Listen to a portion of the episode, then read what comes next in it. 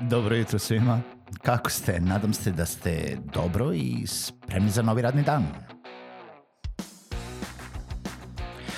Pozdrav svima i dobrodošli na podcast Male pobede, stari novi podcast koji, well, koji je tu da bi vam kroz pitanje i savete dao motivaciju, pokrenuo vas u pozitivnom smeru i pomogao da ovaj dan počne bolje, jače i možda čak i zabavnije. Moje ime je Željko Crnjaković.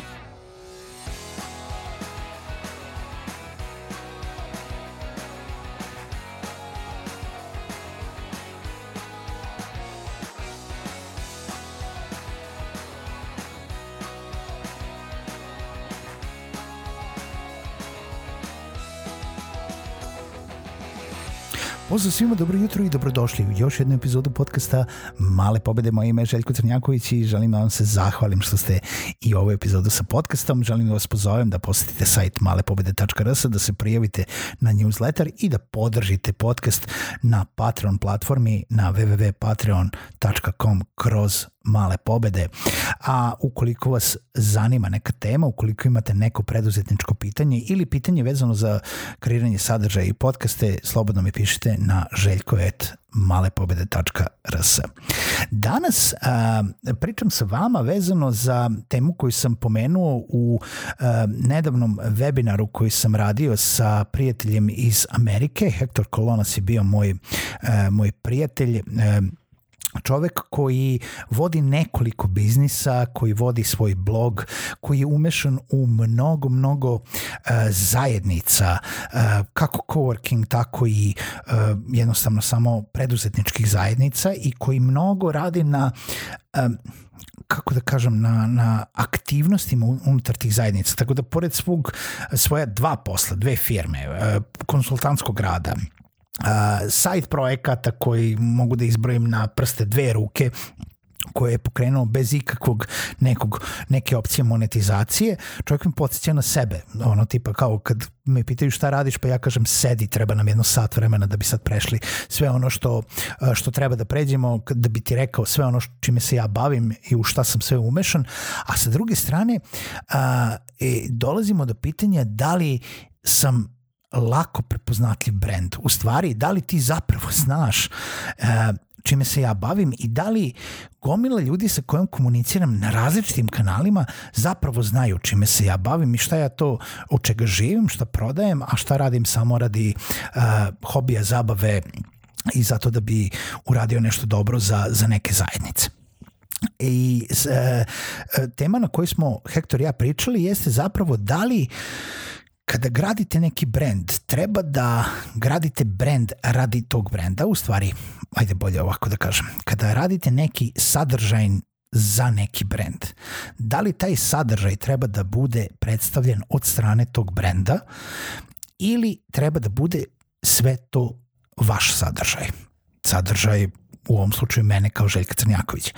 Znači, kada bi ja sad radio podcast, da li je podcast brend za sebe, da li su male pobede brend za sebe, jer ja ih tako razvijam, iako je podcast, uh, jel da, Željka Crnjakovića, uh, da li je moja firma Solutium, moja firma Solutium, iako bi trebalo ona da piše nešto, da li s vremena na vreme treba da izda neki blog pod Solutiumom, da li ja treba da imam svoj blog uh, na nekom domenu crnjaković.com, uh, da li uh, treba graditi jel, da, svoj brand ili treba graditi brand svoje firme. I s druge strane, kako da stignemo sve to da uradimo.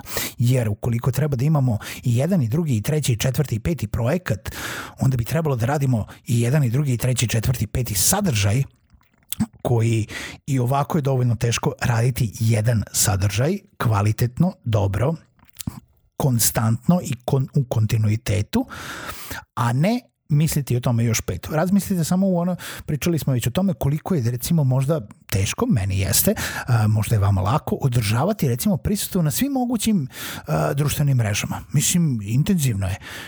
Teško je, vremenski zahtevno da budete i na Faceu i na Twitteru i na Instagramu, za neke koriste Snapchat, TikTok, ima tu još mnogo drugih mreža na kojima jednostavno treba da budete, treba da postojite, treba da budete uključeni u razgovor i samim time isto tako treba da delite taj sadržaj. I kad pravite sadržaj za brand ili za sebe, šta treba da radite? A, najveće pitanje u stvari koje je Hector jeste rekao jeste zapravo šta želite da izgradite. Da li vi u stvari jeste osoba koja je zaposlena za vaš brand ili ste vi taj brand? Naprimer, ukoliko ja imam a, moju firmu Solutium, da li sam to ja da li je Solutijum jednako Željko Crnjaković ili je Željko Crnjaković zaposlen za Solutijum. U stvari možda je bolje pitanje da li želite ikada da prerastete, u stvari da vaša firma preraste vas, ne da vi prerastete, možda i vi da prerastete vašu firmu, ne znam, zavisi koje su vam ambicije. Ali da li želite da se u jednom momentu isključite iz rada tog brenda? Da li i postoji ikakva opcija da možda ste sada solopreneur, možda imate neki tim, možda imate partnera, da li je moguće da taj brand živi bez toga da ga vi vodite, da budete glavni i odgovorni urednik, lice i ovaj e, prodaja i produkcija i sve ostalo što je unutar vašeg brenda, ako vi izađete, da li biste prepustili taj brand nekome drugome? Pa to će vam dati odgovor kakav sadržaj u stvari treba da pravite. E, naravno, naše mišljenje i moje jeste da svaki brand treba da živi za sebe i sve je možda ok da vi treba da imate nešto na čemu ćete skupiti sve ono šta vi radite, šta ste vi izgradili. Neko za to koristi LinkedIn profil, neko za to koristi uh, neki svoj website na ličnom domenu, neko koristi neke druge ovaj naloge na društvenim mrežama ili na medijumu ili na nečemu drugome.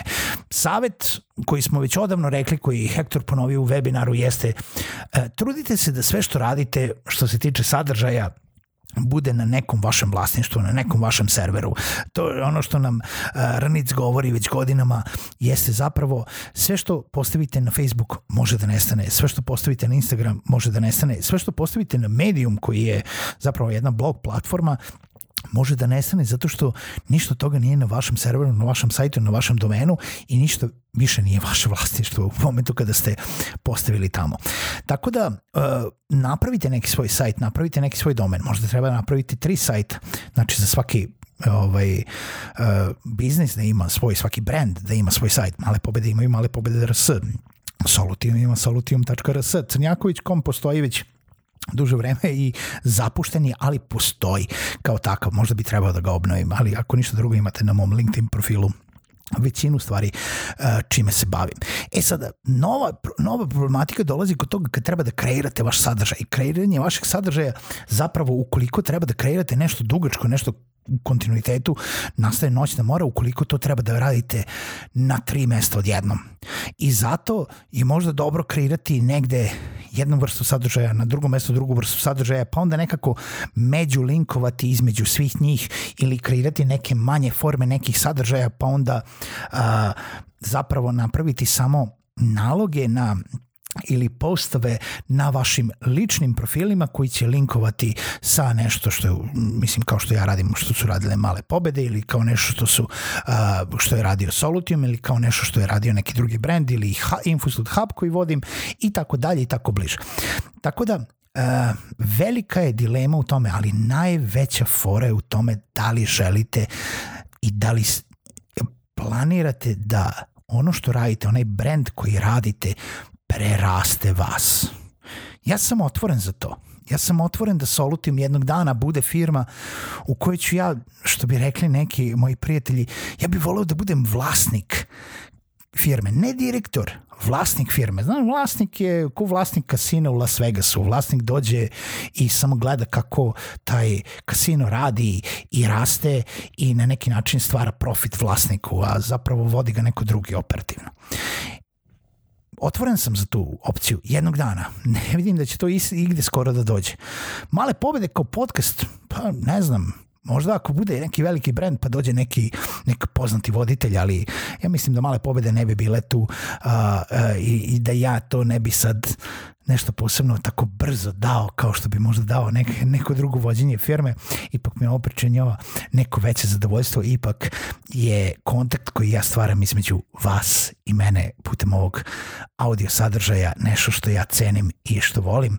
Tako da, ukoliko imate neka pitanja za mene, slobodno mi pišite, a mala pobeda za danas jeste Smislite se koji ste vi brand. Da li ste brand za sebe ili gradite neki brand? Kako komunicirate? Čujemo se u narednoj epizodi podcasta Male pobede.